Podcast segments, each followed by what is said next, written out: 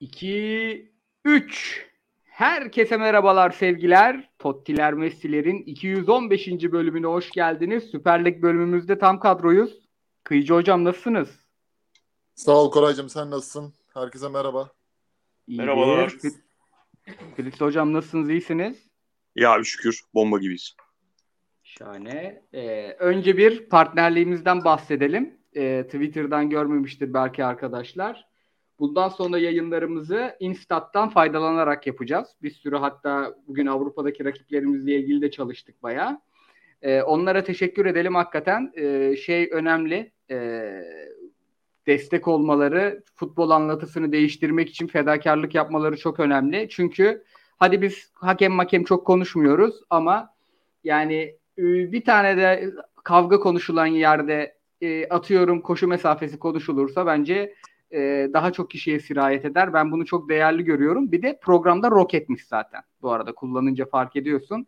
Yani e, mesleği futbol olan herkesin eli ayağıdır bu. Keşke transfer döneminde olsa var ya ben bütün topçuları 8 saat günde izlerdim yani. Öyle öyle şahane bir şey. Diyelim. Yani ben Koray sen bize mesela işte giriş şifrelerini falan verdin. Böyle geçen bir işim vardı tam bakamamıştım. 2-3 saat sonra bir 5 dakika bakayım diye girdim. Yani bir saat falan kaldım neredeyse. Şimdi hatta sana yazdım bu neymiş böyle diye. Ee, gerçekten çok e, faydalı ve bilimsel anlamda olsun. İşte teknik adamlar dahi kullanıyor herhalde yanılmıyorsak değil mi buna? Şu Tabii an. tabii bütün hocalar. Ligdeki bütün hocalar. Aynen çok faydalı bir şey. Biz de inşallah sevgili dinleyenlerimizle bunu buluşturacağız. Daha da e, bizim de bakış açımıza oyuna dair katkısı olacaktır. Aynen abi. Ya futbol konuşmuyor olsan bile o senin girip bir saat geçirmen var ya. Ya insan keyif alarak rakamlar üzerinden izlediğini en azından teyit etmesi anlamında zevkli bir uygulama ya. Hiç Tabii, futbolda tabii. profesyonel bir işin olmasa bile bakılacak, vakit geçirilecek bir uygulama. Koray'ın da dediği gibi insanların futbola bakışını da biraz değiştirebilecek eee, detaylar çıkıyor baktıkça. Net Ama tabii abi. her şeyin temeli maçları izlemek. Onu söyleyeyim. Aynen, Çünkü aynen. uygulamaları maç izlememek için kullananlar var. Biz bir maçı izlemediysek o maçı izlemedik deyip geçiyoruz. Aynen. Mesela Maçları izleyip onun üzerinden rakamları okumak en güzeli olur. Aynen abi. Hatta şöyle e, ben de oradan menüye geçeyim. Derbiyi konuşarak başlayacağız. E, ama şöyle konuşacağız. Galatasaray'ın Avrupa maçı da var yarından sonra. Lazio'yu da konuşacağız. Çünkü Lazio Milan maçını da izledik. Lazio'nun 6 attığı Spezia maçını da sanırım Kıyıcı izledi. Çünkü o maçtan sonra baylar bu takım çok sıkıntılı bir takım demişti. İzlediğimiz. Lazio'yu bir konuşacağız. Fenerbahçe Sivas'ı konuşacağız. Sonra Frankfurt'u izlemedik. Ama Frankfurt'u izleyene bir sorduk. Bir de ben yediği gollere falan baktım babaların. Mesela Frankfurt'u konuşmayacağız. Bunları sormamıza rağmen bir cümle geçeriz. Çünkü izlemedik. Ondan sonra Beşiktaş'ımızın Malatya maçını konuşacağız. Fenerbahçe'mizden sonra, Cimbom'umuzdan sonra. Orada Dortmund'u detaylı konuşacağız. Çünkü Dortmund'da hem maçları izledik hem Instat'tan da çalıştık. Yani bu adamlar nasıl gol yer, ne hayal kurdurur. Bir de şey sıkıntısı var. Galatasaray'ın ligin üstünde olmadığını biliyoruz. İki lig arasında şey yapabiliyoruz ama Beşiktaş ligin üstünde Bundesliga'ya ne kadar yakın onu tartışacağız. Anadolu'dan notlarımız bu sefer biraz az. Fikstüre bakarız. Soru cevap kapanış gideriz ama son zamanlarda yapmadığımız kadar çok e, dört büyükler, üç büyüklerin Avrupa maçları artı Trabzon. Dört büyükler konuşacağımız bir program olacak. E, Anadolu takımı taraftarı arkadaşlar kusurumuza bakmasın. 5 yılda ilk defa 3 takım birden Avrupa'da çünkü. Yani ben hevesliyim açıkçası. O maçları izlemeye hazır Instat da elimizdeyken e, Avrupa maçları ile lig maçları arasındaki farkları görmeye. Hazırsanız derbiyle başlıyorum. Tabii. Hazırız. Abi şimdi e, iki takımın da hem felsefesi hem yapmak istedikleri çok belli. Aslında dört büyüklerin dördünün de belli. O yüzden daha da keyifli konuşuyoruz. Şimdi e, maç öyle bir maçtı ki hem ilk yarıda e, Galatasaray'ın iyi yaptığı şeyleri Trabzon'un yapamadıklarını gördük. İkinci yarıda Trabzon'un iyi yaptığı şeyleri e, Galatasaray'ın beceremediği şeyleri gördük. E, kıyıcıya şöyle atacağım pas. Hem bir maça genel bakalım. Hem abi şey e, düşündüm ben maçı izlerken. Şimdi hep şey diyoruz ya Beşiktaş, Trabzon favoriler Galatasaray ve Fenerbahçe'de sağlam 3. 4. adaylar. Yani Fenerbahçe 3 olur, Galatasaray 3 olur. Ben şeyi fark ettim dün. Yani o e, oturdu kafama. Abi Trabzonspor'u 30 dakikayı 45'e yayamazsa Beşiktaş kadar favori değil bence kesin. Yani o 3 aday artı Beşiktaş var. Galatasaray o 30 dakikayı 45'e 60'a yayarsa Galatasaray e, Beşiktaş'ın yanına gelebilir. Çünkü çok keyifli bir şey izlettik. Çok büyüyerek e, gelen bir Galatasaray gördüm. Sen e, ne diyorsun? Sezonun projeksiyonunu etkiledi mi sende bu maç? Hem maçla ilgili yorumunu da alalım. Ya ben Galatasaray'ın oyun başlangıcından itibaren işte e, Trabzonspor savunmasının e, zor anlara soktuğu pozisyonları da katarak goldeki e, ön alan baskısındaki o e, belli bir şekildeki çalışma işte Çikaldağ'ın olsun, Berkan'ın olsun, Emre Kılınç'ın oynadığı bölgeden itibaren ön sezileri ve o yaptığı Edgar koşu e, bunların hepsinin yani belli bir planın parçası doğrultusunda çok etkili olduğunu düşünüyorum. Yani bir maç hazırlığını gördük biz Galatasaray'ın kazandığı iki gollere. Ee, yalnız işte malum hepimizin bildiği üzere skor Galatasaray'ın zaten her zaman bu hastalığı oldu. Özellikle Fatih Hoca'nın son döneminde maçı öldürememe, maçı 2-0 olsa dahi hani Rıdvan Dilmen'in lafı var ya 2-0 çok tehlikeli skordur diye yani. Galatasaray net abi. birebir bunu yaşıyor yani maalesef ki bu yeni de bir hastalık değil. 2018-2019 sezonunda içerideki Ankara gücü maçında da vardı bu. Ne olduğunu anlamadan 2-2 olmuştu hatırlarsınız. Ee, yani Galatasaray'ın bu şık, bu şekilde yaşamış olduğu bir e, yine sancı vardı. Bu sancı da devreye 2-0 girememek, 2-1 girmekte daha da pekişti. Bu e, oyunun Galatasaray'ın momentumun elinden gittiği anda da Fatih Hoca sağ olsun orada çok bence çok manasız bir değişiklik, iki değişiklikten bir tanesi bana göre. Yani Morutan'ı oyundan çıkartıp işte Babel, daha doğrusu aslında farklı değişiklikler ama oyun kişisi altında buydu yani. Yani Morutan'ın oyundan alınması bence en büyük handikap oldu takımın. Çünkü hani Morutan bir şekilde ortada Çikaldao ile beraber oyunu organize eden Galatasaray'ın topu sahip olduğu anlarda etkili e, öndeki Kerem ve Halil ile beraber önemli bir parçaydı. Şimdi Brian Babar oyuna gelince Galatasaray tamamen başka bir şeye dönüyor malumunuz. Babel'in imza attığı günden beri Galatasaray'ın oyun yapısını etkileyen işte bu pandemi öncekisindeki e, serinin derine geçtiği sezonda da gönderilmişti. Orada da Onyekuru transfer edilmişti. Bambaşka bir noktaya dönmüştük. Yine Babel kabusu yaşandı.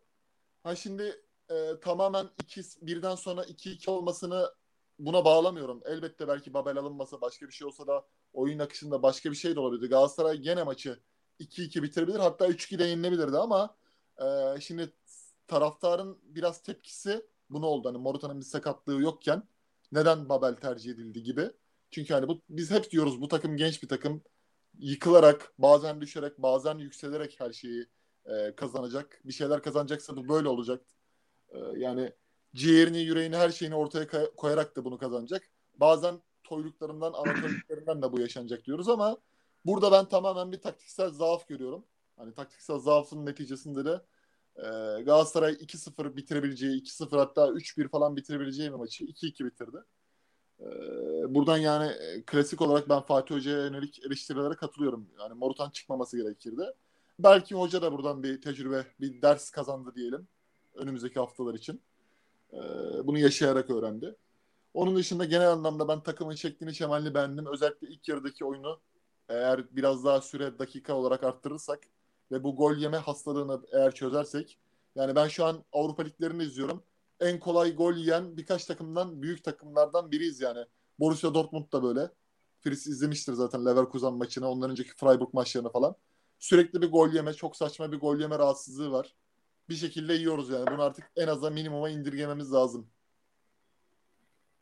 Abi Fritz'e de pası şöyle atayım. Çok güzel toparladın. Hatta sen iki takımın yapabildikleri e, tarafını güzel topladın. Ben yapamadıkları tarafını biraz Fritz'le kaşımak istiyorum. Bir, Galatasaray 1-0 oynayamıyor. Yani 0-0'da bir şeyler görüyoruz eğlenceli. 0-1 bir Renders gördük eğlenceli. Ama Galatasaray öne geçtiği zaman özellikle eforu da düşünce ne topu dinlendirebiliyor, ne topu sahasından uzak tutabiliyor, ne rakibi ceza sahasından uzak tutabiliyor. Galatasaray yiyene kadar uğraşıyor.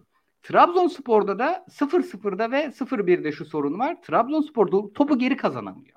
Şimdi bunlar yapısal sorunlar olabilir. Örnek veriyorum Trabzonspor'un bir Berat'a daha ihtiyacı vardır. Berat Siopis oynamaya ihtiyacı vardır belki. Ya da dönemsel sorunlar olabilir. Ben Galatasaray'ın biraz e, yapısal Trabzon'un dönemsel olduğunu düşünüyorum. Çünkü Abdullah Avcı'nın takımları genelde bu topu geri kazanma işini sezon ortasına kadar çözüyor. Sen ne düşünüyorsun? Nasıl çözülür? Hem maç değerlendirmeni de öyle alalım. Abi Galatasaray'da şimdi bir personel problemi olduğu çok açık. Biz senelerdir e, transferle çözüme karşıyız. Yani transfer hastalığının e, takımın oyununu iyileştirmek için yeterli bir e, sebep olmadığını düşünüyoruz. Ama bazı bölgeleri de oluyor ki bazı takımların. Özellikle Galatasaray gibi yaş ortalaması düşük, tecrübesi düşük, kilometreyi az yapmış oyuncuların olduğu bir takımın. O bölgeler e, belli bir standartın altındaki bir oyuncuyla doldurulduğunda senin söylediğin o e, arızalar normalde norm, başka bir takımı etkileyeceğinden daha fazla etkiliyor. Burada da Galatasaray'ın 6 numara problemi. Yani 4-3-3 oynayacaksa Galatasaray oynayacak ve oynuyor 3 senedir. Oradaki oyuncunun çok net bir kesici olması lazım. Yani sadece geçişte değil, senin dediğim oyunu 1-0 al, alıp topu bıraktıktan sonra da e, kapladığı alanı çok zekice kullanacak bir oyuncu olması lazım. E, bu oyuncu Taylan değil. Bu oyuncu Berkan hiç değil. Yani Taylan en azından e, kurgu iyi olduğunda, anlaşabildiği oyuncular olduğunda etrafında topu ayağına aldığın zaman oyunu dinlendirme ve e, kanatları açma anlamında etkili işler yaparken Berkan maalesef onu yapamıyor. O bölgede yapamıyor. O bölgenin çok net oyuncusu değil. Bu maçta çok net gördük bence. Yani Berkan'ın o bölgeyi bilmeme, o bölgeyi oynayamama probleminden doğan sonuçları. Eskiden sadece işte e, Van Aanholt'la sol stoper sürekli değiştiği için sol stoperin arasına atılan toplar falan arızaları yaşanırken şimdi bu maçta o alan tamamen boş kaldı. Oraya Asun ne olacak bilmiyoruz. Ben 45 dakika bir özel geçen açtım izledim. E 45 dakika tabii ki hiçbir şekilde yetmez. O yüzden fikrimi söylemeye de gerek yok. Çıkınca göreceğiz sahaya. E, e, o oyuncu değilse maalesef Galatasaray e, o arızasıyla sezonu en azından devreye kadar götürmek zorunda kalacak. Ama Galatasaray açısından şu var abi. Maç oynanmamışken sadece 11'leri gördüğümüzde Galatasaray'ın camia olarak, taraftar olarak sezona dair oyun anlamında değil, oyunda sürekli iyiyi ve gelişmeyi talep etmeye devam etmemiz lazım.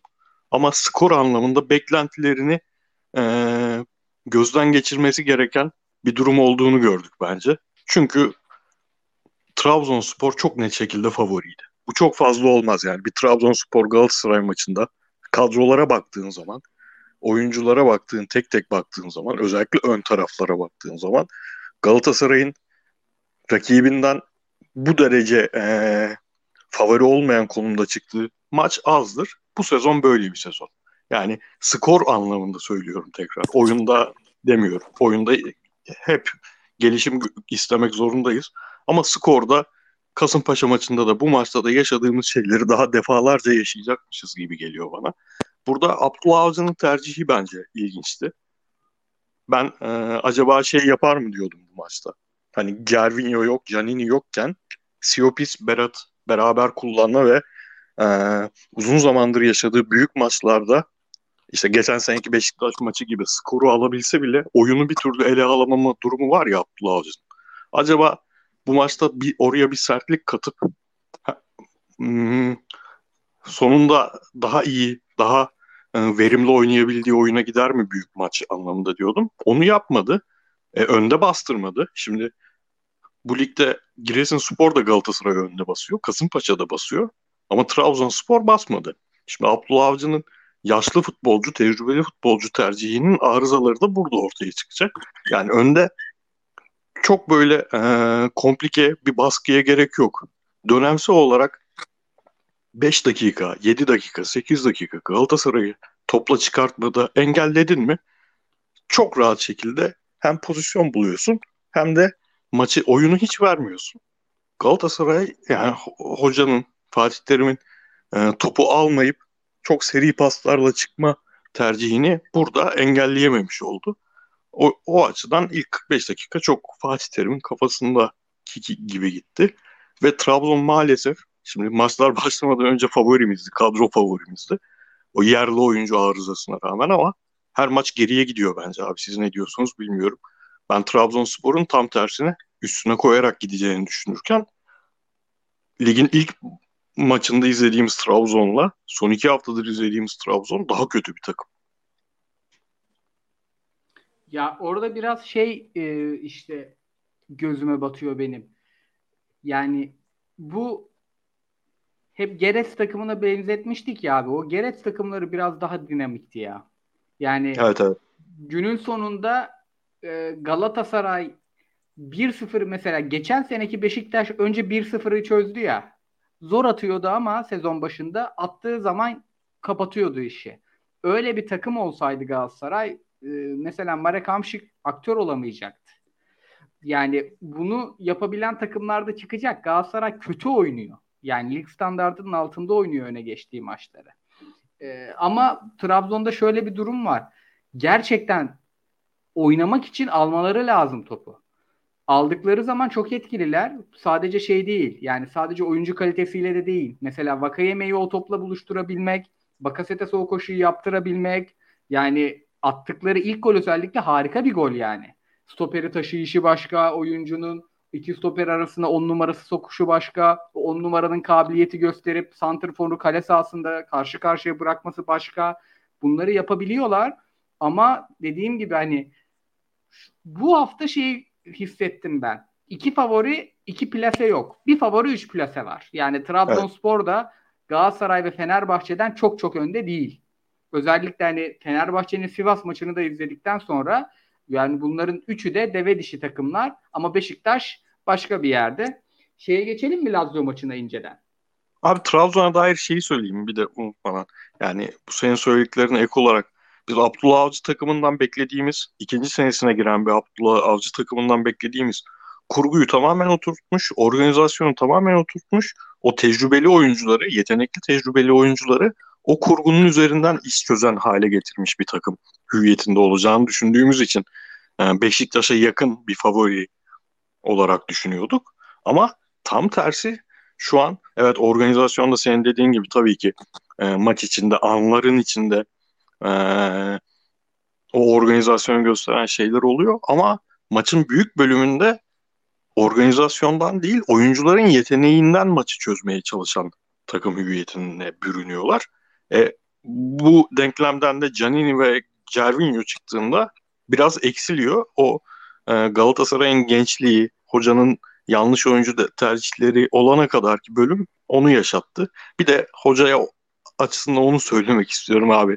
Ya her maç girip 10 gol, 10 asist yapsa bile Galatasaray taraftarına verdiği hissiyat yüzünden hocanın artık bu Babel işini ben yani Fatih bu ülkede taraftar hissiyatını, camia hissiyatını en iyi bilip onun üzerine hamleler yapabilen bir teknik direktördü. Bu Babel bu camian enerjisini emiyor abi. Belki saha içi bir şey değil bu. Metafizik bahsettiğim ama yani 10 tane gol atsa her maç sonraki maç oyuna girdiğinde yine bizim enerjimizi emecek. Yani ön tarafta oynadığı bir dönem vardı ya. Galatasaray'a tek katkıya ve katkı vermeye yakın futbol oynadığı dönem oydu. Kanatta Babel görmek ve hani Morutan topsuz işleri iyi yapamıyor şu an. Savunma için işte Aytaç Babel ikili Aytaç aldık. E abi Aytaç'ı yine al ama Babel olmasın ya yani. Babel'in topsuz yaptığı hangi iş Morutan'dan iyi ben anlamıyorum. Hem değişiklik kötüydü Abi hem de bak, onun açıklaması daha da ya, kötüydü yani. İki gündür Babel'in oyunu böyle mesela yürürken metroya falan bindiğimde de böyle kafama geliyor maç mesela. Hala ulan neyi yaptık neyi yapamadık falan düşünüyorum. Yani bir tek izah yok yani Babel hamlesinin. Bir tek yani ne var biliyor musun? Hocanın gözünün önüne içerideki ee, yanılmıyorsam şey maçıydı değil mi bu? Van Aanholt'un gol attığı Renders maçıydı. Renders maçındaki Babel topu getir Babel topu getirdi Van Aanholt vurdu ya o sekans geldi herhalde gözünün önüne. Evet. Bunlar iki Hollandalı biz buna çizgiye emanet ederiz orayı kaparız falan diye. O an bir aklına bir şey eserde yaparsın ya öyle bir şey geldi. Başka izah yok. Çünkü Kerem'in top kayıplarına rağmen Kerem'in varlığı Halil'le birleşince tehdit unsuru bu ikisinin arkasında Morutan olduğu zaman üçü üçü bir blok halinde tehdit unsuru hani Galatasaray öne bir tane santrafor işte Mustafa Muhammed veya Cagne. Cagne biraz daha aylak oyuna girdikten sonra durabilirdi de veya Mustafa Muhammed işte en önüne alıp Babel yerine kenar forvete işte Halil Dervişoğlu'nu da koysan tehdit unsurları devam edecekti. Babel oyuna koyunca tamamen o öndeki hat kesildi. Bağlantı koptu yani. Ben başka hiçbir şekilde konumlandıramıyorum Babel'in girişini. Bir tek Van Aanholt'la önlü arkalı bunlar Hollandalı. Orada yani milli takımdan da uyumları var. Öyle kullanırız diye düşünmüş olabilir. Başka bir şey yok yani kafamda. Bir de şey olabilir abi. Yani tek benim aklıma yatan da o. Öndeyse Galatasaray ee, rakip daha çok baskıya geliyor. Daha agresif Evet. oynamaya başlıyor. E, Muslera'nın ayağı balta olduğu için pasta çıkamıyorsun. Muslera sol açığa uzun vursun ve Babel indirsin. Bir de bu Evet, açıklama olabilir. var yani başka yok. Evet evet. Bu da bu da mantıklı aynen. Bu da olabilir dediğin gibi. Bu da olabilir. Ama işte bütün akort bozulunca hani sen benden daha bilirsin hani gitarda bir akort gitti mi tamamen şey olur ya. eee, hani müziğin tınısı falan değişir. Galatasaray'ın bütün tınısı değişti yani olumsuz yönde. Bakalım bundan sonra ama dediğin gibi abi içerideki maçlarda hani taraftarın işte Babel'le bir türlü yıldızının barışmaması vesaire hocanın da aynı Emre Akbaba gibi ona dair e, tasarrufları değişecektir diye düşünüyorum. Ki son bu puan kaybından Bir de- belirgin biçimde. Hani abi bazı tutarsızlıklar var. Ben bu gerçekten skorda, sonuç almada bu takımın her şeyine varım yani. Dördüncü olması da problem değil için benim için ama mesela Emre Kılınç haftalarca yok. Haftalarca yani belki de aylarca yok ta geçen seneden alırsak. Bir anda en önemli maçlarından birinde 11. İyi ki hoş geldi bu arada. Ben çok seviyorum Emre'yi. Ee, ama işte şimdi Feguli haftalarca olmayacak belki. Ama Babel olabiliyor mesela. Emre Kılınç Evet. bir anda kesik yerken Feguli bir türlü e, ne olduğunu bilmediğimiz şekilde bu takımın ana planında yokken sonra bir anda geliyor kurtarıcı oluyor. Sonra Babel kurtarıcı oluyor falan. Bu tip çelişkiler böyle bir Ve- sezonda yani İlaveten 23-24 abi- yaş ortalamayla oynadığımız sezonda bu çelişkiler olmasa daha iyi. Yani neyse karar verilsin onun üzerine bir kimlik inşa etsin bu takım.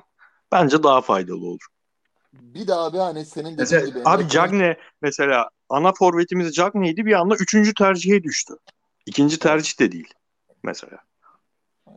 Ki Emre Kılıç da bence hani biz ön tarafta Vakayeme'ye Yedlin parçalamasın diye oraya konuldu yani. Hani bu Hı hı, Aynen. bir oyun planı tercihi de değil bence. Oyun planı tercihi ama defansif yönden bir tercih esasen bana göre. Hani Ha, bir dahaki maçta çıkacak mı?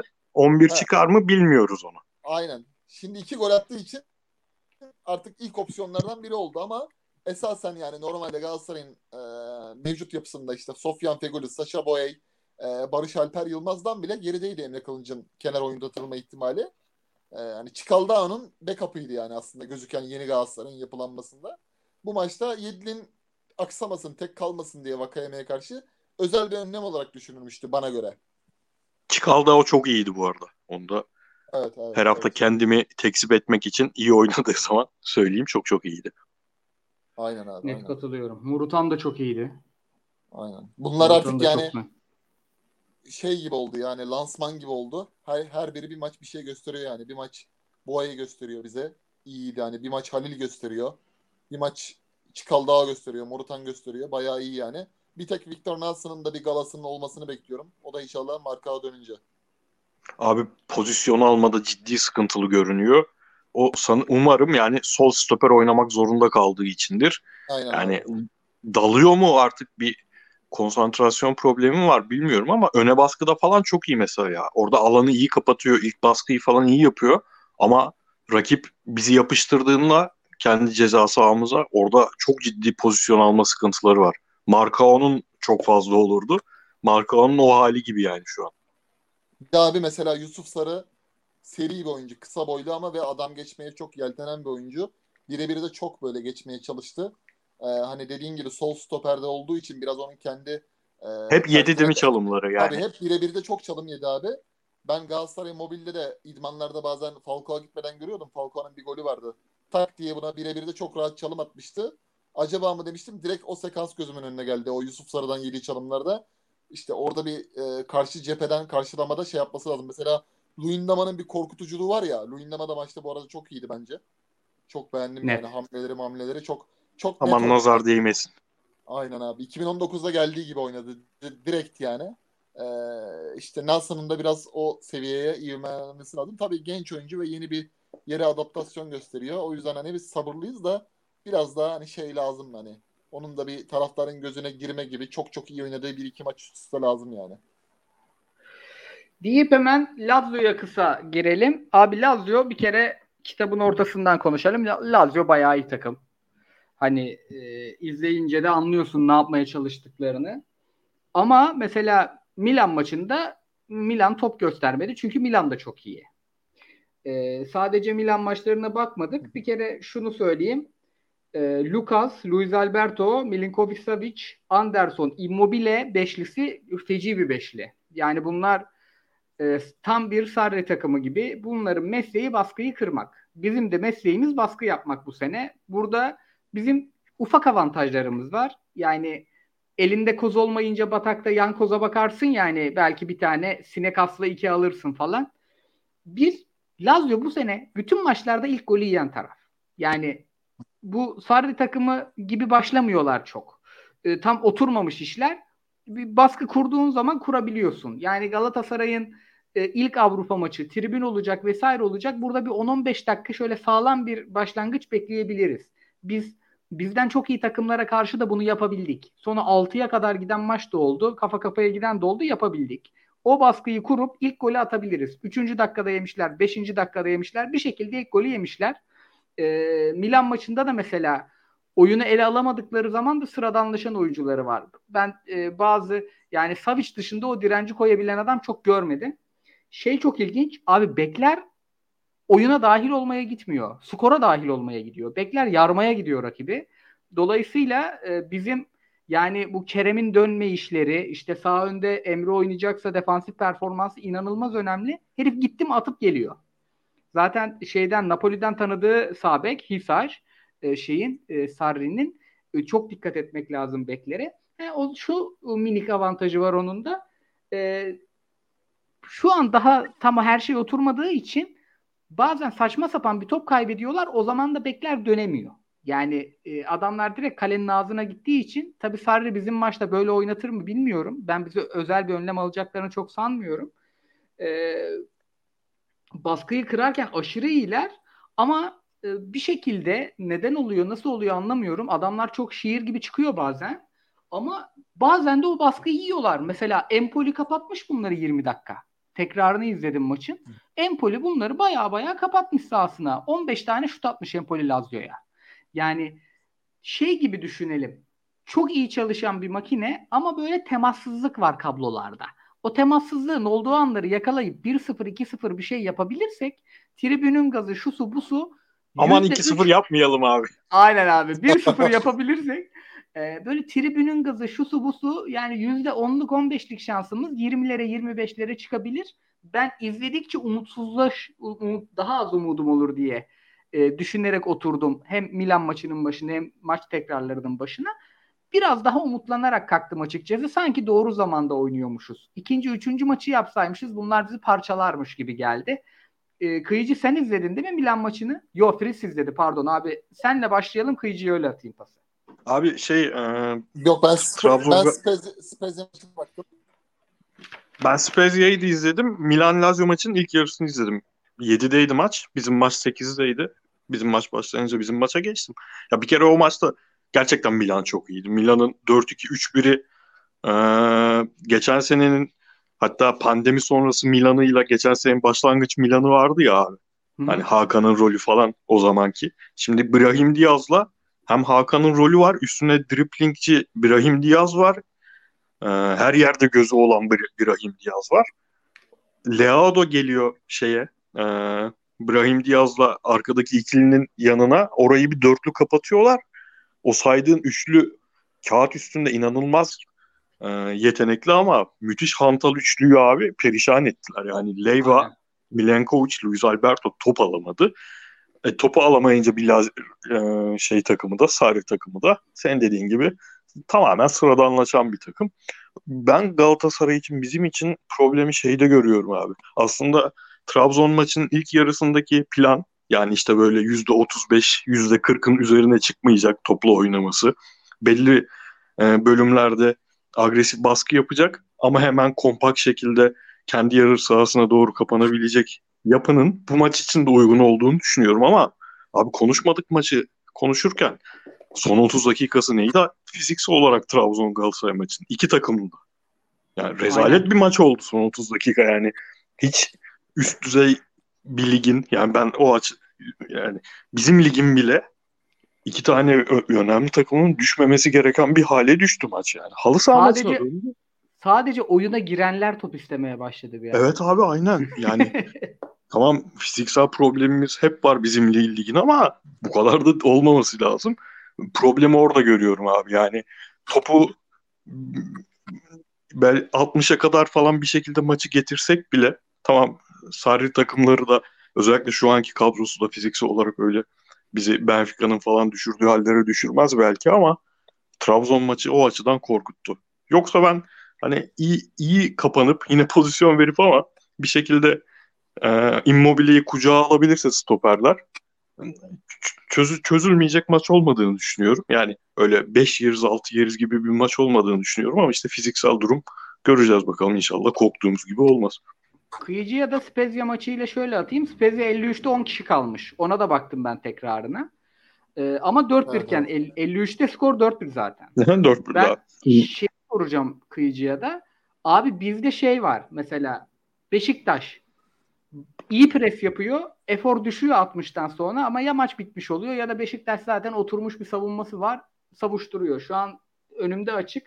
Ligin bütün savunma istatistiklerinin lideri Wellington zaten. Bizde tam tersi abi. Bizde efor düştüğü an biz dördüncülük takımı gibi oynamaya başlıyoruz. Spezia maçında onu yaptırabilmiş Lazio. Yormuş rakibi. Sen de oradan girersen benim umudum Fritz'in şeyi objektif bakışı senin Spezia maçı yorumun tam ortayı bulacağız. Ya şimdi mesela Spezia maçında şöyle hani Spezia maçında bir yerden ölçüp bir yerden ölçüp değil çünkü hoca Thiago Motta. Ya, Thiago Motta'yı biliyorsunuz zaten 2-6-2'yi falan artık Serie bir ara Zidane zaman gibi denemeye falan çalışmıştı. Bu sene daha böyle tutarlı gidiyor. 3-4 üçlü savunma oynuyor. 3-4-2 Biraz akıllanmış abi Genoa dönemi çok aynen komikti. yani. Biraz böyle 2-6-2'ler falan zaman Pescara dönemi gibi taktikler falan yapıyordu ama hani orada da dediğin gibi Koray ilk golü yani erken attı Spezia.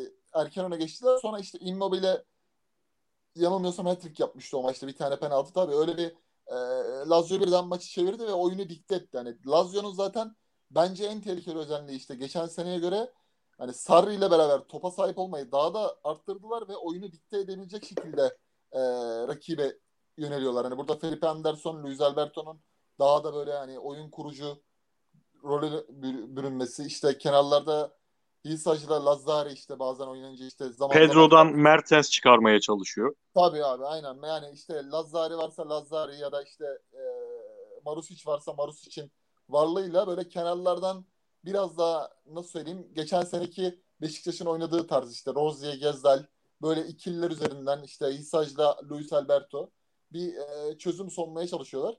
Ve yani kaybettiği Milan maçında dair böyle biraz baktığımda şey gördüm hani e, tekrarında daha çok topa sahip Milan'dan belki daha fazla topa sahip olmak peşindeler. Ama Milan maçında şöyle bir şey var. Lazio kendi standardına göre çok hareketsiz kaldığı için Milan cezayı kesti. Hani orada çok hareketsiz kaldılar. Milan bunu çok iyi değerlendirdi. Yani Zlatan oyuna girdi. 40 yaşında sakatlıktan dönen Zlatan pozisyon buldu ve affetmedi yani. Orada e, Lazio biraz şey yaptı. Kendi oyununu da ortaya koymadı Milan'ın varlığından. Milli ara dönüşü diye mi acaba abi? Milli Belki- araya Abi- çok mu oyuncu yolladılar? Şey bence ya Leyva ile Luis Alberto hattı acayip kritik. Özellikle yani Luis Alberto'yu fiziksel olarak hırpaladığın zaman bu takım şeyi çok düş- düşecek bir takım. Tavanı çok düşen bir takım. Feci hırpaladı. Getson. Ah orada Getson. Ah, Gezzal'i yani, kilitlediği aynen. gibi Ya bir olacaktı. de tabii abi Luis Alberto ve Leyva zaten Leyva 35'ine geldi ve Luis Alberto çıkınca aldığı oyuncu Bordo'dan giren oyuncu Basic. Fritz bilir çok vasat bir oyuncuydu yani Bordo'da 10 kağıtlık bir oyuncu ama Abi Everton oyuncu. aldı herifi çok büyük hayallerle. Hiç böyle 15 tane iyi maç oynamadan o 27 yaşına falan geldi herhalde herif. Aynen aynen yani ne yani biz de hani atıyorum Çıkal Dağı'nın çıkıp da ortaya şeyi koyduğumuz koymamız gibi bir şey yani Alparslan Öztürk'ü falan ön libere koymamız gibi bir şey yani. Oradaki o sancı. Hani Luis Alberto hakikaten iyi ise takımı maestro gibi yönetiyor ama biz orada hani Berkan'sa Berkan tabii Berkan ama yani ilk sarı kart falan görürsen 5. dakikada bu maç bitmez kardeşim Trabzon maçındaki gibi. aynen aynen. Yani abi sarıyı görüyor bu defa hamle yapmaya dikkat ediyor işte sakınmaya çalışıyor hakemi. Öyle ki Avrupa maçı cezayı keserler. Orada biraz sakin olmalıyız.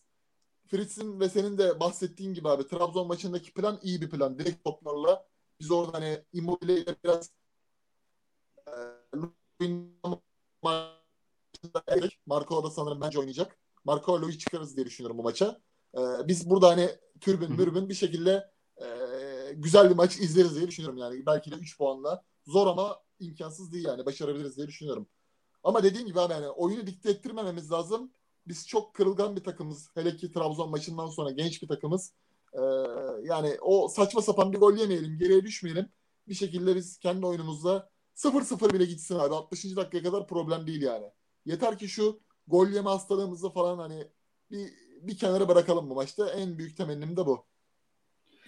O zaman Fenerbahçe Sivas'a atlıyorum. O da çok güzel çata çat maç oldu özellikle ilk yarısı. İkinci yarısı biraz bizim maça döndü. Fizikler düştü. Abi Fenerbahçe ile ilgili şimdi Fenerbahçe'nin Vitor Pereira'nın oturttuğu oyunu hep şöyle övdük.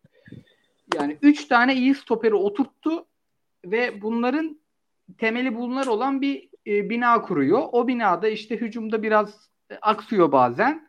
Ama oraya da transferler gelecek dedi, dedik. Geldi. E, ama şunu gördüm. Ben bugün çok büyük bir risk gördüm onlarda. Bugün diyorum da maçı maçın olduğu gün izledim, canlı izledim. Abi Fenerbahçe'de 38 tane stoper aldılar. Şu an 3 tane bayağı iyi stoperleri var. Tisserand da çok iyi oynuyor.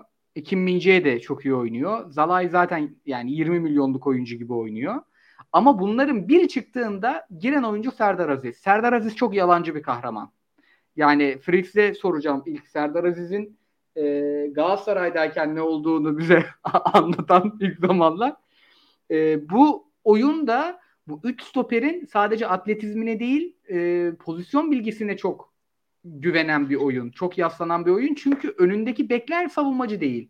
Biri Samuel, diğeri Muhammed'di. Muhammed on numara gibi oynuyordu. Ee, çok güzel bir maç oldu ama maçta maçla birlikte Fritz'e şunu da sormak istiyorum. Ya tamam bu ıı, çatı, bu sistem oturacak da bunu hem Serdar'la hem iki ofansif bekle oynamak çok zor gibi geliyor abi bana. Sen ne diyorsun? Abi önce teşekkür ederim. Yıllardır, yıllar olmasa bile çok uzun zamandır Serdar Aziz eleştirmedin. Hadi bir eleştir diye girdiğin için.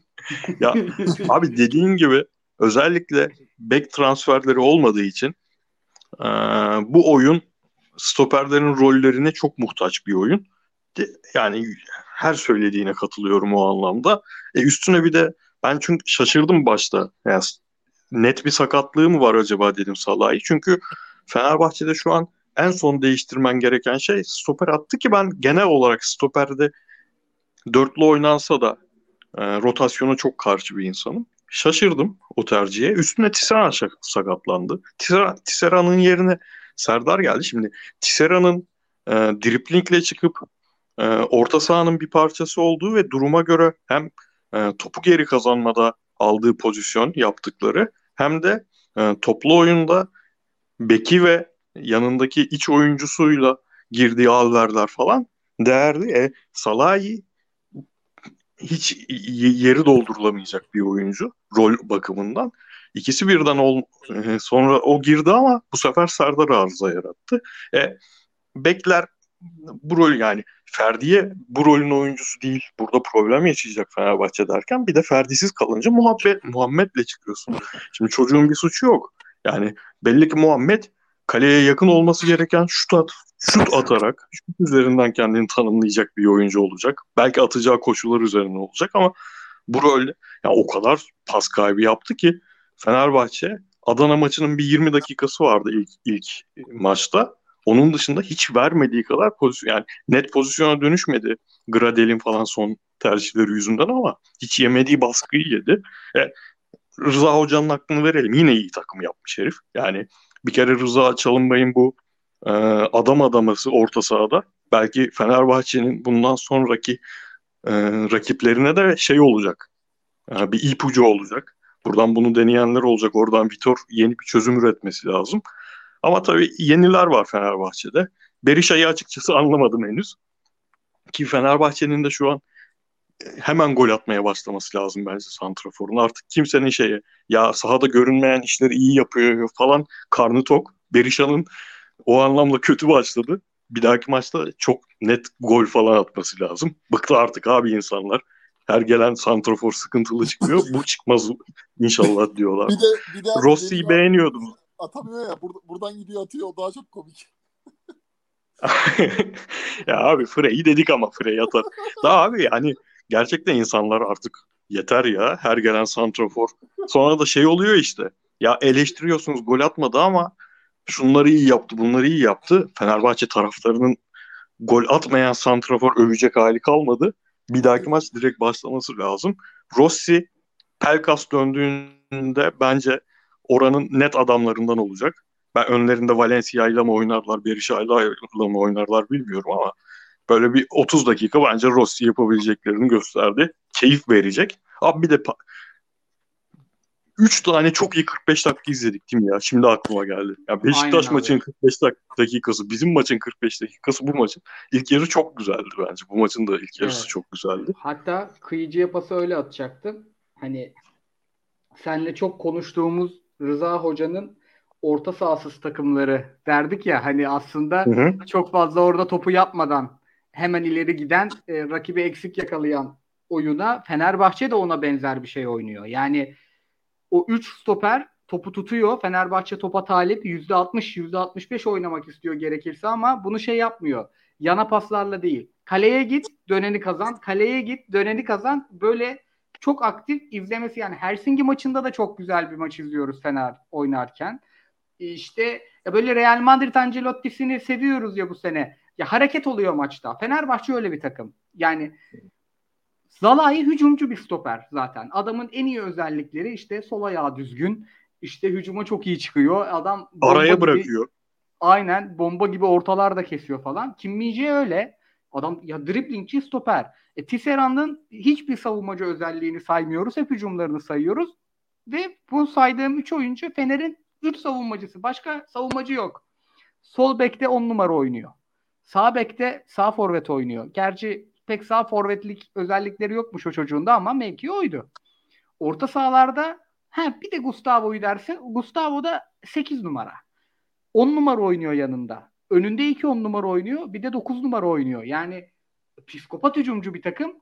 Bunun da yanında şeyin e, Rıza Hoca'nın 4 iyi hücumcuyla ve direkt kaleye çok net bir planla giden bir takımı Abi ben bu senenin en iyi 45'ini e, izledik diye düşünüyorum ki ikinci yarıda oyunun çok durmasının sebebi bence oyuncuların bu tempoyu kaldıramamasıydı. Sen ne diyorsun? Yani ben genel anlamda e, Fenerbahçe'ye dair en çok Gustavo'yu beğendim. Harika bir top oynadı yani. Bence maçın adamıydı. E, oyun olarak da hani bahsettiğiniz gibi Fenerbahçe yeni bir yapılanmaya gidiyor. Fritz'in de söylediği gibi Forvet'te mutlaka ki artık leblebi gibi gol atan bir adam lazım. Yani burada e, Frey Belçika'da şu kadar gol attı. Slimani Monaco'da bu kadar gol attı. Artık bunları kimseye duymanın takati kalmadı yani duymak için. E, hani Ayev'in buradan girip de 10 gol 10 asist yapması gibi bir şey artık Fenerbahçe taraftarı da kaldıramaz. O yüzden muhtemelen Berisha'nın da üzerinde bir baskı olacaktır. Özellikle hani gol vuruşlarında falan. Orada e, ona şans gerekiyor bundan sonraki maçlarda bireysel performanslara gelirsek Rossi ile ilgili ben hani şu an için ufak kesitler verdi ama ben Vitor'un şunu anlamadım. Çok böyle hani oyun 1-1 olduktan sonra şey yaptı. Hani Rossi'yi de sahaya atayım, Max Meyer'i de sahaya atayım. İşte Berisha ile zaten başladı. Hani çok böyle herkesi bir arada kullanma şeyine gitti. Zaten takım biraz eksiklerden dolayı sıkıntılar işte. Muhammed denilen genç arkadaş sol kenarda oynadı Ferdi'nin yokluğunda. İşte e, Serdar Aziz'in varlığı işte Zalai'nin 9 günde 3 maç oynaması Serdar Aziz'e forma şansı doğurdu. Takımın biraz e, ritim ayarı zaten değişkendi. Özellikle Mesut'un hani çıkmasından sonra ben Fenerbahçe'nin de çok e, etkili olduğunu düşünmüyorum. Hani Mesut'a bağlı da değil aslında. Biraz orada onu kaşımak istiyorlar. Hani Mesut Pereira gerginliğini konuşmayı çok seviyor Fenerbahçe taraftarı ve Fenerbahçeli medya. Hani çünkü geçen haftaki maç 1-1 bitince yani Sivas maçı herkes bir başlar işte. Mesut neden e, oyundan ilk alınan oyuncu 59'da her maç 60'ta oyundan alınıyor. Fenerbahçe Altay maçını kazandıktan sonra 3 maçta 9 puan yaptı. O zaman söylenilmiyor mesela bunlar ama sonra şey söyleniyor. Fenerbahçe üçlü savunma düzeniyle şampiyon olamaz diyor mesela Rıdvan Dilmen. 3-4-3'te şampiyon olamaz diyor. Volkan Demirel belki hayatında ilk defa izlediği muhtemelen bir oyuncu için Pelkas'tan iki tık kötü diyor Rossi için mesela. Böyle bir çok da e, bu işin magazin tarafını çok se- konuşmayı sevenler etki ediyor diye düşünüyorum takımın ve taraftarın e, hevesine. O yönden de bir Fenerbahçe'nin kaos durumu malum yaşanıyor. Çünkü e, Rossi'yi Volkan 45 dakikada yargılayabiliyor. Rıdvan Dilmen Fenerbahçe sanki her sene şampiyon oluyor da 3-4-3'de bu takım şampiyon olamaz diye bir e, kendince yorumda bulunabiliyor. Yani bu tür olayların girdabında kalmaması gerekiyor Fenerbahçe'nin. Özellikle taraftar nezdinde ve medya nezdinde. Bence hala iyi bir hocaları var. Hala bir şekilde yani Mesut 60'lı çıkartabiliyor abi. Erol Bulut çıkartamıyordu hatırlarsanız. Döküldüğü zaman Net. Mesut. Yani Net Emre Belezoğlu bile çıkartamıyordu. Emre Belezoğlu bile yani o şeyi yapamıyordu ama Mesut'un artık böyle yüzünde bir rahatsızlık hissediyorsun yani Te- terlemesinden, kızarmasından. Adam hazır değil yani. Ama orada 60'ta mesela oyundan alabiliyor veya genç çocuğu sol kenara işte koyabiliyor. E, Ferdi'nin yokluğunda veya işte e, Kim Min-ji bu adamı getirebiliyor. Ki bayağı bence beğendiğim bir oyuncu. Üçlü savunmanın ortasında. Hamleleri, top oyuna sokuşları falan. Zaten instats'ta da görürüz onu hani biraz ele alırsak. Bayağı doğru paslar veriyor ve takımı hücuma çıkartmada faydalı bir oyuncu.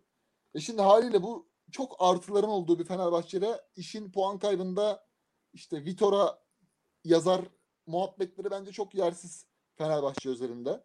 Bence en önemli yani takım kurgu murgu bunlar bir şekilde oturur. Belki Max Mayer'in de zaman alacağı maçlar çok artacaktır.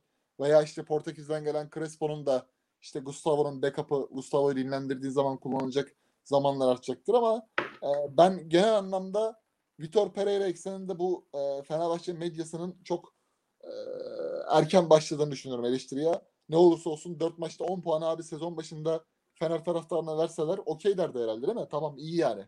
Bir başlangıç özelinde. Tabii canım ya yani Bir daha yani Tisserant diye bir oyuncu gönderilmek istenen bir oyuncuydu. Üçlü savunmanın sağına konuldu. Taş gibi oynuyor şimdi yani adam. Abi Ardalar, Muhammedler çıkarıldı ya. Bu Fenerbahçe bunu en son yapabilecek takımdı. 70 kişi o kadro. Oradan çıkardı o çocukları.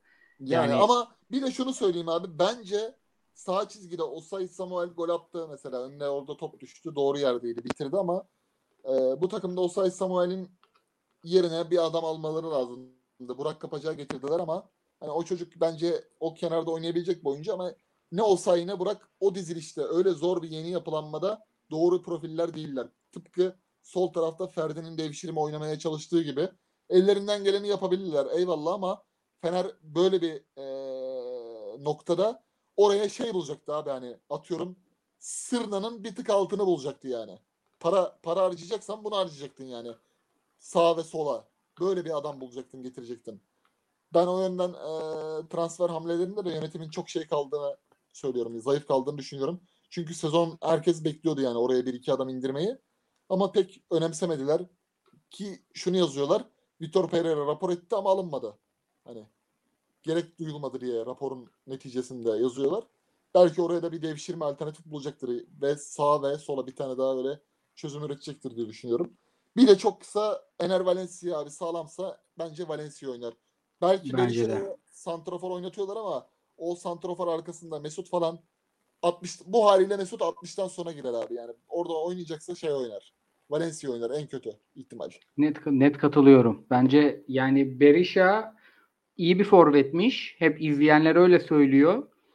Ama e, Fener'in oynadığı şu oyunda üçünün de yani üç e, hücumcunun da hareketli olması lazım. Rakip savunmanın dengesini bozması lazım ki arkadaki dörtlü özellikle bekler çok yaratıcı oyuncular olmadığından işte Ferdi çıkardı e, Tabii. şapkayı. Şapkayadan tavşanı. Bir de, bir de şu var Ee, abi hani Ferdi'ye Hemen- Zayt'sa alan sağlaması lazım o oyuncunun. Ener Valencia o oyuncu. Ben Berisha'da onu göremedim. Kalite varmış ama onu göremedim. Ener Valencia çok güzel at, hallaç pamuğu gibi atıyor abi savunmayı topsuzda. Tabii. Bir de hani adamı şey diyorlar ya bu adam dörtlünün 3-4-3'ün dördün sağında da oynayabilir falan abi. Bu adam Victor Moses falan değil yani. Öyle bir şey yapamazsın bu herife. Bu herif sezonu gol atarak başladı. Helsinki'de Helsinki'de aldı yani. Gösterdi kendini formda. Şu an o yüzden ben Vitor Pereira'ya şunu diyorum hani herkesi sahaya atayım içerideki maçta. Bir öyle nedense bir panik yaptı. Hani Max Meyer'ı da sahaya atalım. İşte Berisha ile başlayalım. Biraz onun şeyi yoktu yani. Rossi, Rossi hemen 11 çıksın falan. Belki bildiği inandı işte Valencia'nın önde oynadığı düzende Muhammed'in işte varlığının biraz daha iki forvet arkası oynadığı düzende daha etkili olabilirdi yani. Bildiğini oynatsaydı Altay maçındaki gibi. E tabii orada e, belki o da hatasından ders çık- çıkaracaktır diye düşünüyorum ilerleyen haftalarda. O zaman burada da Frankfurt maçına geçelim. E, Fritz bu arada senin heh, mikrofonu açtın şimdi. Bir sorun var mı Açtım. sende? Yo dinliyordum. Heh, tamam. Mikrofonu kapatma özelliğini yeni fark ettim de kullanayım dedim. Abi şeyi diyecektim ya. Bu diziliş Buyur. muhabbetiyle ilgili hemen bence Fenerbahçe'ye en büyük zararı veren 15 senedir. Rıdvan Dilmen'in 3-4-3'te şampiyon olunmaz muhabbetine şeyi söylemek istedim. Abi bu takımın elinde şu an Mesut Özil var. Pelkas var. Diego Rossi var. İrfancan Kahveci var. Max Mayer var. Unuttuğum var mı? 10 numara özelliği olan ya da Zayt. Pelkas. ee, Hadi Zayt'sı tamamen e, 8'de kullanabiliyorsun. Pelkas var. Abi, acayip bir kalabalık var. Şu an dünya üzerinde bu kadar ve en iyi oyuncuların da hep o bölge, bölgede yani. Mesut, Pelkas, İrfan, Rossi. Şimdi bunların en azından ikisini kullanmak zorundasın. Yani Rıdvan Dilmem o zaman söylesin ya bu kadar çok oyuncuyu. Yani iki tane iyi bekin yokken o bölgede o kadar oyuncun var. Bu oyuncuları kullanacağı diziliş nedir? Adam bir şey üretti bak. Geldi ve bir şey üretti.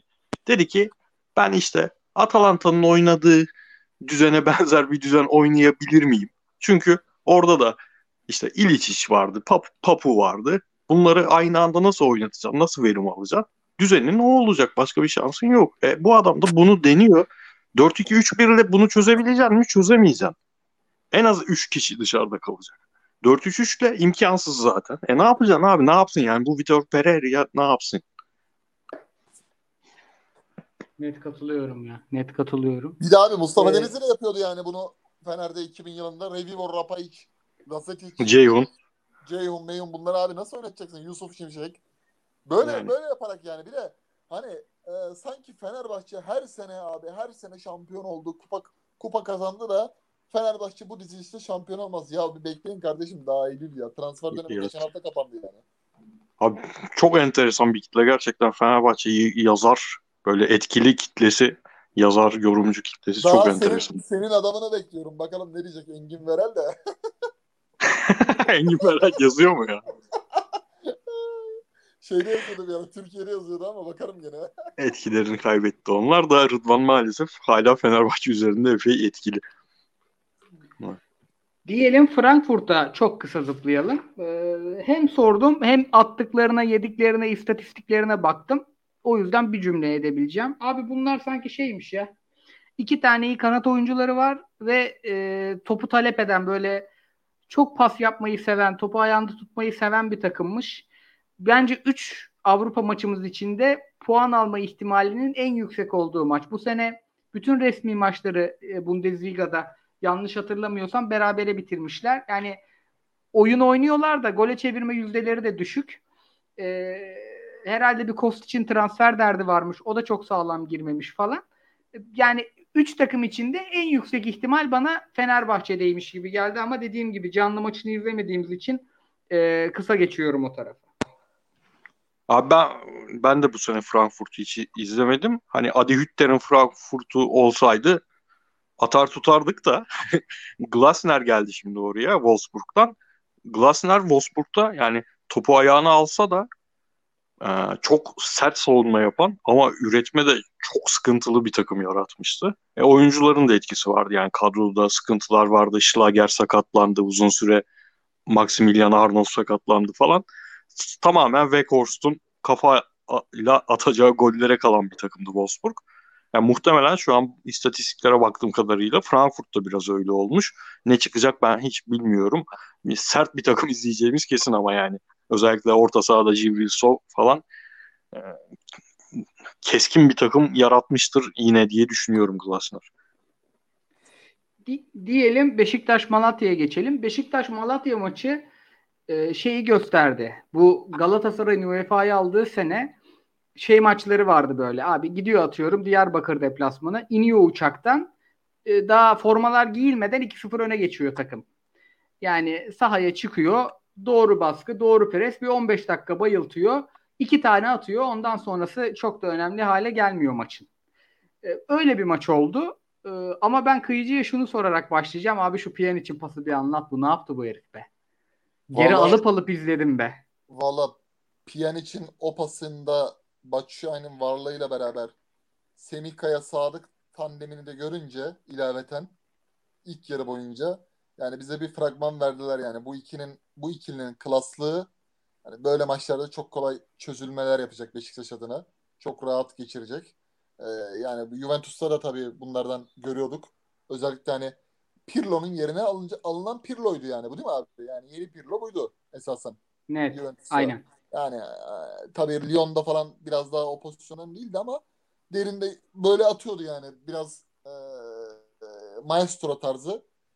Şeyi de burada yani onu gösterdi yani. Zaten Sergen Yalçın da söyledi. Bizim oyun yapımızda, oyun planımızda onun yeri çok önemli olacak diye. Hani bu işleri yapsın diye. Biliyorsun Sergen hani çok kaliteye koştuğu için hani kaliteye çok değer verdiği için bunları ondan isteyecektir mutlaka. Ee, ben Beşiktaş'a dair şunu gördüm.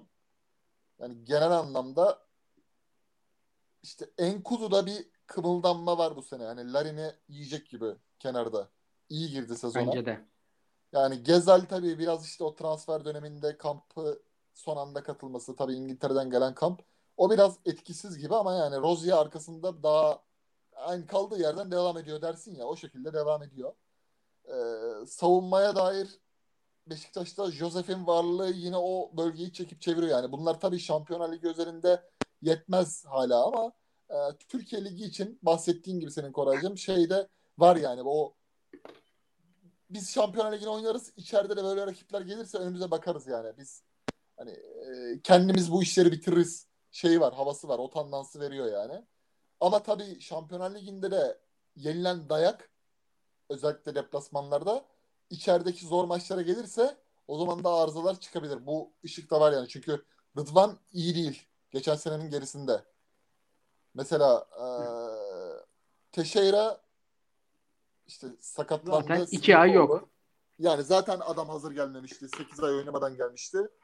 Hani buralara Sergen Yalçın'ın şey palyatif çözümler üretmesi lazım. Hani burada işte bölgesel artık Salih Uçan'ı mı çekecek, Pjanic'i mi öne kaydıracak. O yapıyı tutturması lazım ki Atiba hala bence bu takım için önemli bir etmen. Atiba'nın da iyi dönmesi lazım. Hani tamamen rotasyona sokamazsın Atiba'yı. Faydalanman lazım. Çünkü Şampiyonlar Ligi'nde geldiği zaman içerideki maçlarda yine bir 8 lazım sana. Çünkü piyanist de yorulacak abi. Adam şey değil. Bir şekilde orayı Sergen Yalçın'ın e, ele alması lazım. Ama ben oyun anlamında Beşiktaş'ın geçen seneye göre hala geçen seneki o vurdulu kırdılı Aralık, Ocak, Şubat dönemine göre şey bulmuyorum yani. iyi bulmadım. Ama bir şekilde maçı kopartacak şeyi veriyor. O gücü var yani. Çünkü kadro geniş. Onun avantajını Alba, hissettiriyor yani. Bir yumrukta bayılttılar ya. Bir yumrukta bayılttılar. Bu arada ben yanlış yazmışım. Teşeira değil İrfan'mış iki ay olmayan. Onu düzelteyim hemen. Teşeira Ama ne bir kadar de şunu söyleyeyim bilmiyorum. abi. Ben Türkiye Ligi'ne dair bir şey söyleyeceğim. Türkiye Ligi bu sene geçen senenin de gerisinde. Yani bazı takımlar var. Kaldığı yerden devam etmeye çalışan. işte Karagümrük, Sivas. Ama düşme hattındaki takımlara bakıyorum abi. Makas çok açılacak. Yukarısıyla aşağısının puan farkı çok fazla olacak bu sene. Vallahi abi ben hala yeterince Anadolu maçı izleyemedim ya. Yani Karagümrük'e e, kaçırmamaya çalışıyorum ama atıyorum 3 tane Kayseri maçı izleyemedim. 3 tane Altay maçı izleyemedim. Alanya'yı pazartesi beraber baktık. Ben yarım göz baktım. Göztepe 3 tane izleyemedim. Yani benim Sivas izledim. Sivas bu puanın takımı değil. Sivas çok daha iyi. Ya böyle 6-7 tane izlemelik takım var da ne durumdalar tam bilmiyorum açıkçası. Böyle 10. haftaya kadar diyoruz ya biz Anadolu'ya dokunmuyorum. 10. Ee, hafta anca benim fikrim olur. Fritz'e şey diye atacağım pası. Ee, abi şimdi şey konuşmuştuk. Yani bu takım çok iyi pres yapan bir takım. Teixeira, Pjanic, Joseph oynadığı zaman da bu presi yapabiliyorsa, o kapatabiliyorsa rakibi, yani koşarak değil de doğru pozisyon alarak da iyi savunma yapabiliyorsa rakip sahada o zaman çok büyük e, bir avantaj kazanır diye yaptı vallahi adamlar. Yani artık hakikaten en tepedeki aday olarak görmemin sebebi benim bu. Çünkü Malatya hiçbir şey yapamaz hale geldi. Geliyor mu sesim? Sen ne diyorsun diye sordum. Ha geliyor. Ha, tamam. Ha, tamam. Ben soruyu sormadım pardon abi. Devam edeceğim diye bekledim ben de. Aynen, Abi. Ya önce kıyıcı ağama hiç katılmadığım ilk kez bu kadar iki üst üste cümle kurdu. Bence Beşiktaş geçen seneden iyi. Yani verdiği keyif de daha fazla. Çünkü geçen sene Ankara gücü maçlarında falan bile verdiği pozisyonlara bu sene vermiyor. Geçen seneki riskli oyunda e, tempoyu düşürdükleri an bu seneki Galatasaray gibi ceza sahasına çok rahat girebiliyordu rakipler. Bu sene giremiyorlar. Bir de lig bence 2-3 senedir olmadığı kadar zevkli. Ama onun ne demek istediğini sonradan anladım. O Anadolu takımları epey geri gitmiş anlamında söylüyor. Aha, değil mi? Aynen aynen o anlamda abi. Alttakilerle üsttekiler arasındaki makas açılacak bence. Hani Giresun Aynen. Aynen ama bence onun sebebi alttakiler daha kötü olmalarından ziyade büyükler sonunda biraz daha iyiler yani. Evet, En azından bir 2017 seviyelerine falan döndük. Beşiktaş'ın özel 45 dakikası şey benim için. Şenol Güneş'in ilk senesi futbolu Galatasaray'ın Igor Tudo- Tudorlu ilk 10 haftası. Ondan beri izlediğim en zevk veren futboldu bu maç. Ee, Koray'ın söylediği bunu Pjanic'le yapabilecek misin? Teixeira ile yapabilecek misin? İşte e, organizasyonu iyi kurduğunda ve özgüveni aldığında yapılabiliyor demek ki abi. Tabii ki rakip de çok etkileyici futbol. Futbol rakiple oynanan bir oyun. Çok etkileyici rakibin kötülüğü. Çünkü aynı durumlara Trabzon maçında da düştü Malatya. O maçta Malatya mı çok kötü, Trabzon mu çok iyi emin olamamıştık. Ama artık 4-5 hafta izledik. Yani Malatya iyi oyuncuları olan bence iyi bir kadrosu olan kötü bir takım. Maalesef İrfan Buz bu sefer olmadı gibi görünüyor şimdilik. Ama yani Beşiktaş'ın yaptığı da abi Pjanic şu an ülkede bence para verip izlenecek en net iki topçudan, üç topçudan biri. Yani şu an gerçekten bu yaşında bunu izleyebiliyor olmak Türkiye'de e, belki transfer dönemi çok hahulu geçti. Tam kavrayamadık ama adam ma- ma- sahaya çıktığı an gösterdi. Yani kavrayın kardeşim dedi. Bu adam bunu oynayacak ve geçen seneki o e, Abu Bakar'ın sakatlık mı başka bir şey mi problemleri e, Atiba'nın düşüşü Josef'in fiziksel olarak düşüşü haliyle o kadar hafta son 7-8 haftayı bu sene yaşatmayacak e, bir plan da sunuyor. Atiba'yı Kıyıcı'nın dediği gibi sürekli oturtamazsın. Bu yaştan sonra böyle 3-4 hafta oynamamak sıkıntı yaratır. Ara ara sürekli atman lazım ama işte 4-3-3 oynayabilirsin bu yapıda. Bu 4-3-3'te e, derine Josef atarsın. Derine ma- maçına göre Pjanic atarsın. 4-2-3-1 oynarsın. Atiba'yı Salih'e atarsın falan. Varyasyonlar çok fazla. E, e, bu Sergen Yalçın'a dair en anlamadığım konu Rıdvan konusu. Yine onu söyleyeceğim. E, Rıdvan'ı gördük abi. Kapattığı zaman Beşiktaş oranın oyuncusu çok nedir Rıd- Rıdvan yani. Niye Evet. hala o güveni tam vermiyor bilmiyorum ama muhtemelen Avrupa maçlarında da tercih edilmeyecektir. Abi ben Hani- şeyden duydum onu. Sakatlandı dedi. Sakatlandıktan sonra benim için başladığı yerden geriye gitti dedi. Şeyde Candaş'ta.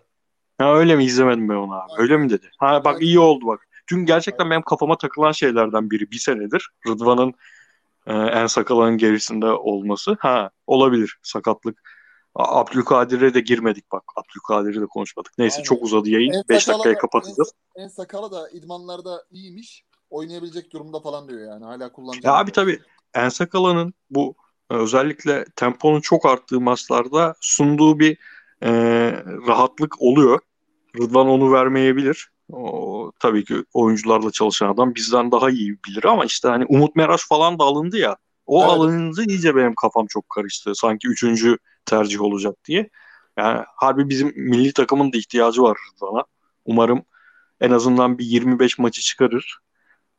Yani Beşiktaşlı olmak şu an güzel bir şey abi. Gerçekten diğer takımlar su içse Beşiktaş'a yarıyor ya. Yani harika bir hafta geçti adamlar için. Bir mutluluk var orada. Yani Sergen Yalçın'ın da şunu yapmaması mesela Tudor'un hatası oydu. Bugün Tudor Verana olunca kafam yine Tudor günlerine gitti. Tudor mesela her şey çok iyi giderken rakibin ne oynayacağını kafaya çok takan bir adamdı. Bence oyunculardan kop oyuncularla saha içi iletişimin kopması da o sebepten oldu. Çok fazla rakibi düşünüyordu. Sergen Yalçın da tamamen kendi oynayacağı oyunu düşünüyor. Rakip çok umurunda değil. Aynen. Ve bu enteresan bir özgüven getiriyor takıma. Ben bir daha bir Sergen'in Şampiyonlar konusunda hayatımda yani e, gördüğüm üzere belki de Türk takımlarının şeyinde en net tespit yapan bir e, çıkış yaptı. Hani koşu mesafesi işte istatistikler, istatistik bilimi oradaki farkın nedenli e, açık ve net olduğuna dair kısa çözüm. Yani ben böyle hani katıldığı iki tane programı izledim bu sene Sergen Yalçın'ın. %100 Futbol ve Candaş'ın programı. Şampiyonlar Ligi'ne dair net biçimde oyuncuya bu duyguyu geçirdiğine inanıyorum yani. İstediğini çok net biçimde oyuncuya aktarıyor ve oyuncu bunu çok basit bir şekilde uyguluyor. Yani basit şekilde anlatıyor abi.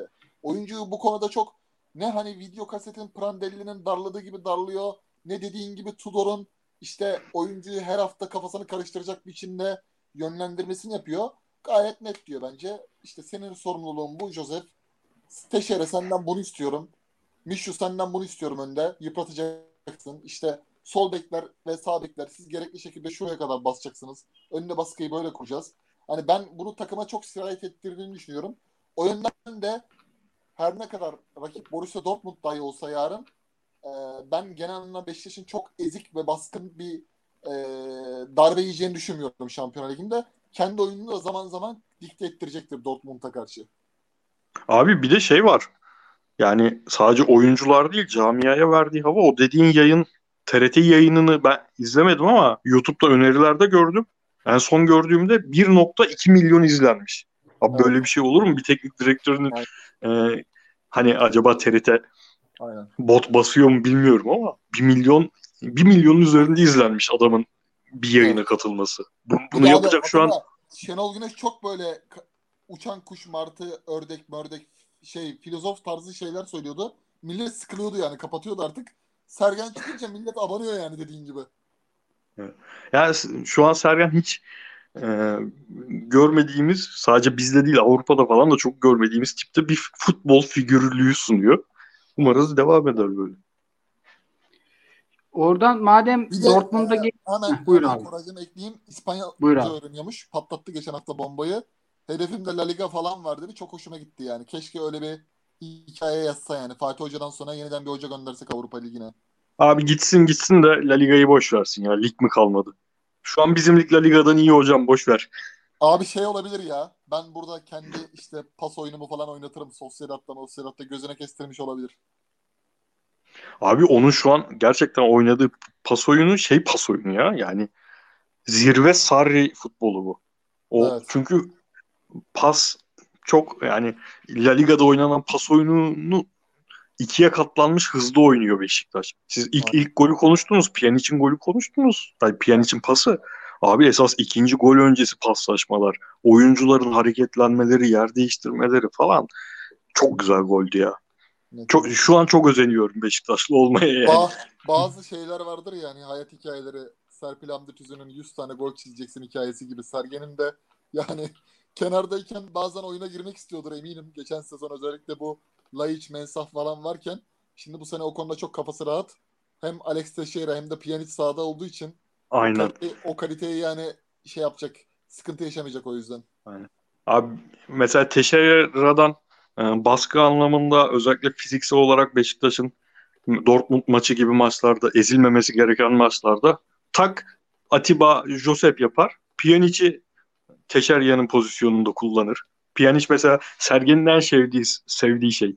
İyi şut atacak, frikik kullanacak futbolcu. Süperstarsa bunları yapacak falan Abi der ya. Bir de hani diyorsun ya sen hani Malatya'yı sürüklesetti. Orada mesela işte Sadık'la Semih var yani. Sen burada tek arkada Josef'i bıraksan dahi Pjanic, Teşerya işte dört City'nin Guardiola'sı gibi tak tak tak tak bayıltıyorsun yani ister istemez. Abi bir de ortalarında bal geçerli yani. Wallace var ya ortalarında bir de. Bari Aynen. Wallace olmasa. o da bayağı Aynen. kötü stoper. Aynen. Mesela şimdi Dortmund'da da ben izlediğim kadarıyla bu sene o basit gol yeme sıkıntılarından yüzde yüz eminim analizini yapmıştır yani. Bu takım neden bu golleri yiyor işte. Leverkusen maçında işte Freiburg'da yediği goller hani o e, Dahod'un bölgesinden itibaren orayı yarın bayağı bir kazacaklardır. Arkaya doğru. Abi orada şöyle e, Leverkusen maçını izledim ben. Evet. 4-3 biten. Aynen. İki tane golü de şey yediler ya. Wirtz diye bir çocuk var ya genç Evet, Leverkusen'da. evet, evet. Abi topla iki stoperin arasından geçti vurdu çocuk. Yani savunmada çok sıkıntılı Dortmund. Ama ben e, şeyden korkuyorum Beşiktaş adına. Abi hücumda öyle bir oyunu var ki Dortmund'un atletizm dezavantajını savunmandaki direkt ortaya çıkarıyor ya. Yani sadece Evet. Haaland Haaland değil abi. 9 kişi gidiyorlar. Sürekli hareketliler. Yani Beşiktaş'ın Malatya'ya yaptığı hücum şeylerini bunlar Leverkusen'e yaptı ki Leverkusen de öyle Evet. hantal savunmacıları olan bir takım değil ama çok fark yarattılar. Yani adamlar sadece atletizmle değil bir de bütün maçların dizilişlerine baktım. Hep çift santrfor oynamışlar. Royce'la Haaland bazen oynuyor. Bazen Donyel Malen'le oynuyorlar. İşte bir tane maçta bir başka bir oyuncuyla oynadılar. Tam hatırlamıyorum ismini. O iki forvetin etrafında böyle baklava bir orta saha gibi görüyorsun dizilişte. Ama herifler şey gibi yani iki sol kanat, iki sağ kanat varmış gibi o baklavanın şey Werder Bremen'in baklava, or- baklava orta sahası gibi. Yani hücumda çok korkutucu bir takım. Keşke böyle şey takımlar gelseydi hani daha yüksek profil olsun ama daha oturaklı, daha yavaş tempolu gitsin. Böyle Juventuslar, Juventuslar oyunu demlendire demlendire oynayan. Hı hı. Çünkü Beşiktaş'ta şimdi Vida da yok. Ensakal oynayacakmış 11 ama e, maç eksiği var onun da. Şey, Rozge biraz pozisyonuna göre atlet çocuk ama ufak tefek. Yani Beşiktaş'ın bu derdini e, o Josef'in de yaşı belli. Ortaya çıkarabilecek, o defoları gösterebilecek bir takım Dortmund ama mesela bizim Lazio'dan puan alma ihtimalimiz bana daha az geliyor. Yani Beşiktaş çünkü şunu yapabilir. Çat bir gitti attı, kapadı. Çünkü Beşiktaş'ın da işi aslında kırılmamak. Beşiktaş çok o konuda çok rigid, çok sağlam bir takım. Yani şeyi sadece öngöremiyorum ben. Beşiktaş'ın e, seviyesi bizim ligin üstünde. Ama Bundesliga'ya ne kadar yakın kestiremiyorum. Mesela Galatasaray ile Lazio'yu karşılaştırabiliyorsun. Galatasaray lig ortalamasından çok üstünde değil. Ya da Fener'le Frankfurt'u işte Frankfurt'u izlesek daha rahat da yapardık. Ama Beşiktaş'ta yapamıyorsun. Beşiktaş ligin üstünde ama ligin ne kadar üstünde? Onu Dortmund maçında göreceğiz. Ben çok keyifli bir maç bekliyorum ya. Hani Şampiyonlar Ligi maçlarında genelde bizim temsilciler biraz aman sıkıcı maç olsun bir puanımızı alalım cebimize koyalım deriz biz hep Galatasaray maçlarında. Böyle olmayacak abi çata çat. Yani böyle şey e, tüy siklet boks maçı gibi. Herkes birbirine sürekli yumruk atacak. Büyük şeyle merakla bekliyorum. Bence de içerideki Leipzig maçı gibi olacak 3 sene önceki. Vallahi aynen. Fritz sen de izledin sanırım Dortmund e, Leverkusen maçını. Sen ne diyorsun? E, öngörülerin ne Şampiyonlar Ligi maçına dair? Abi Avrupa yayınında Ronaldo konusunu konuşurken şey demiştik. Yani ulan salladık ettik o kadar ama hafta sonu saat 5 olduğunda açıp hepimiz Ronaldo'nun ilk maçını izleyeceğiz dedik. Bundesliga maçı 16.30'da başladı. Maç o kadar zevkliydi ki ben açıp izlemedim Ronaldo'nun maçını. Çok güzel maçtı Leverkusen Dortmund maçı. Eski şey günlerini hatırlattı. Bu Roger Schmidt'in e, sıfır orta sahalı futbolu. Yani tamamen on numaraları sahanın her yerine serpiştirdiği bir kadroyla çıkmış. Yeni gelen İsviçreli hoca Leverkusen'e. Yani biraz Dortmund'u hücumsal anlamda olduğundan da iyi gösteren o yapı oldu. E, atletizm anlamında Tapsoba yoktu stoperde. Orada problem yaşadılar falan.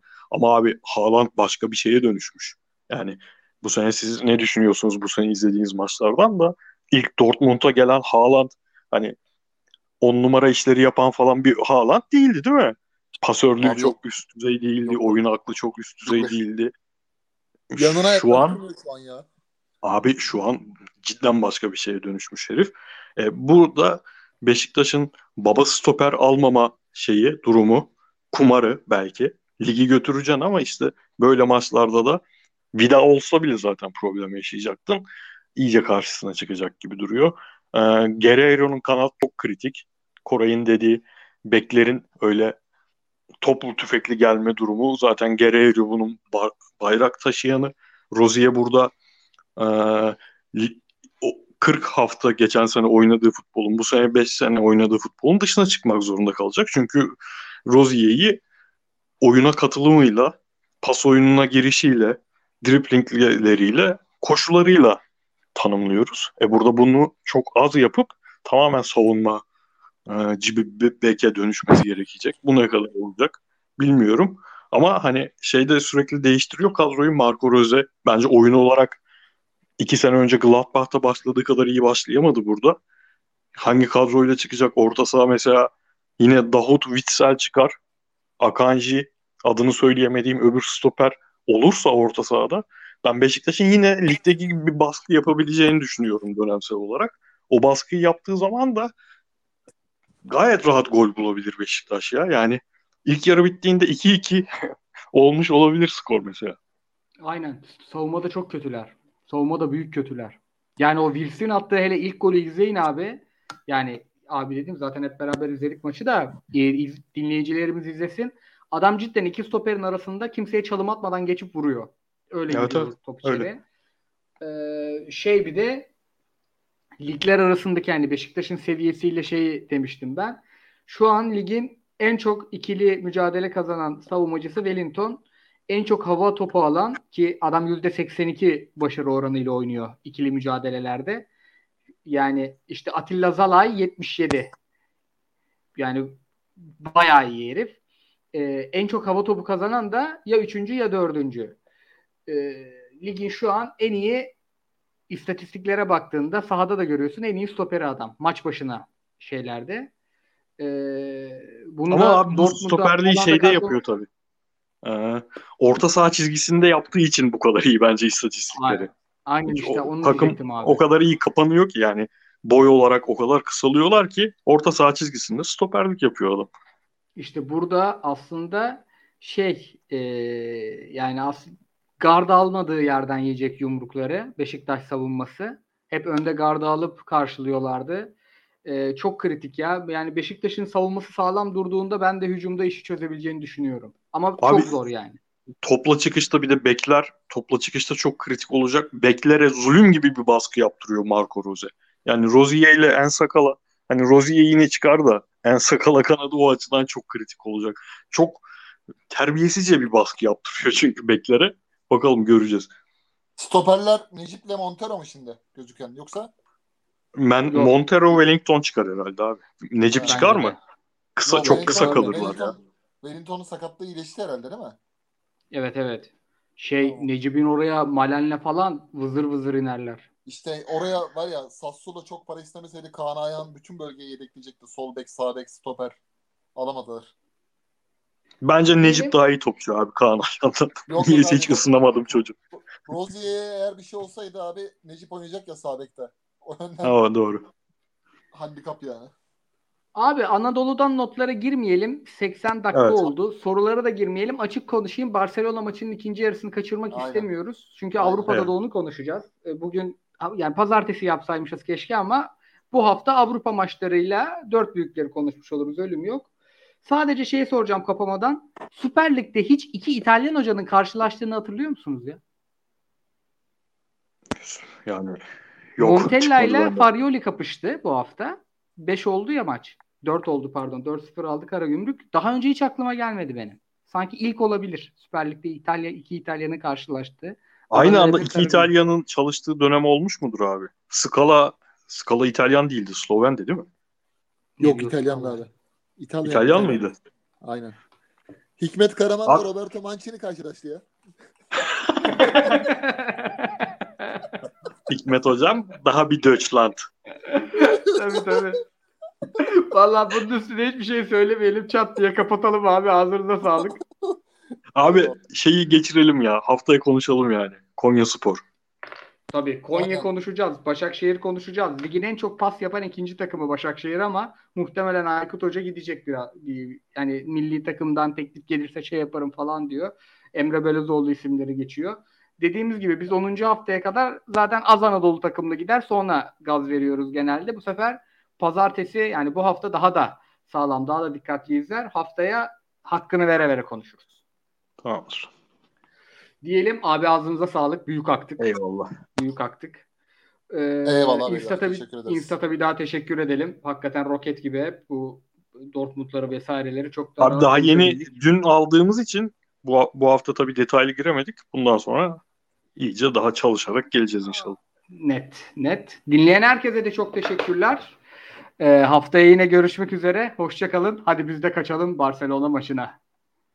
Görüşmek üzere. Eyvallah.